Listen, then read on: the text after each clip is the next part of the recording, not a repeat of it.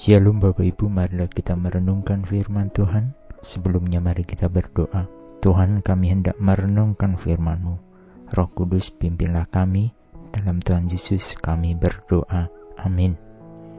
Bacaan saat ini diambil dari Matius 20 ayat 26 hingga 28. Matius 20 ayat 26 hingga 28. Tidaklah demikian di antara kamu Barang siapa ingin menjadi besar di antara kamu, hendaklah ia menjadi pelayanmu.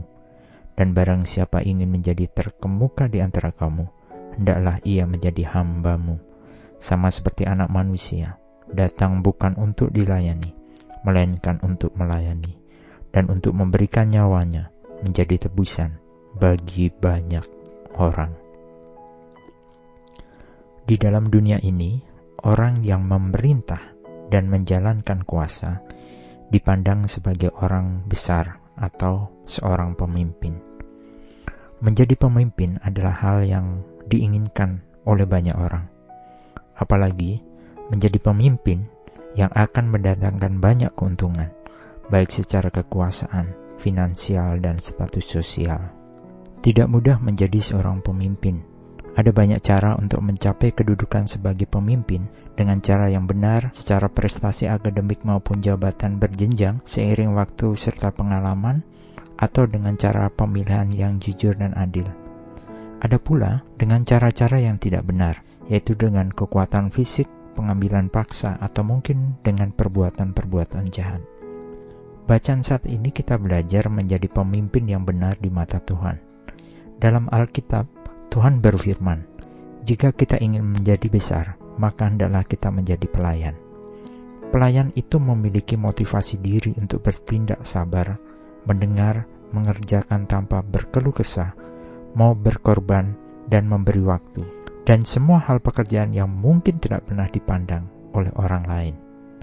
Bukankah hal-hal demikianlah yang dikerjakan seorang pelayan bagi tuannya? Pelayan di sini juga memiliki posisi sebagai hamba. Seorang hamba tidak lebih dari tuannya. Berserah apa yang menjadi tugas tuannya.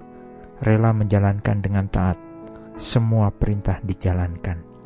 Menjadi pemimpin, siap menjadi pelayan dan hamba. Siap menjadi bukan yang terutama, tapi yang terakhir. Tuhan Yesus mengatakan bahwa di dalam kerajaan Allah, Kebesaran tidak diukur dengan kekuasaan atas orang lain, kedudukan, bahkan kekayaan kita di dunia. Tetapi, bagaimana kita memberikan diri kita untuk melayani, melayani sesama, juga melayani Tuhan dengan penuh kasih dan ketaatan. Setiap orang percaya hendaknya jangan berusaha untuk meraih kedudukan yang tinggi dengan maksud untuk menguasai atau memerintah orang lain, bahkan mencari keuntungan dari orang lain. Sebaliknya, mereka harus memberikan diri untuk menolong orang lain dan khususnya bekerja demi kesejahteraan semua orang, bahkan rela berkorban. Karena semua hal ini dilakukan untuk memuji dan memuliakan nama Tuhan. Amin. Mari kita berdoa. Tuhan, terima kasih untuk semua teladan yang sudah Tuhan berikan dalam kehidupan kami. Engkau rela melayani hingga mati untuk menebus dosa-dosa kami. Ajar kami untuk menjadi pribadi yang mau melayani dengan sepenuh hati dan takut akan Tuhan. Dalam Tuhan Yesus kami berdoa. Amin. Tuhan Yesus memberkati. Shalom.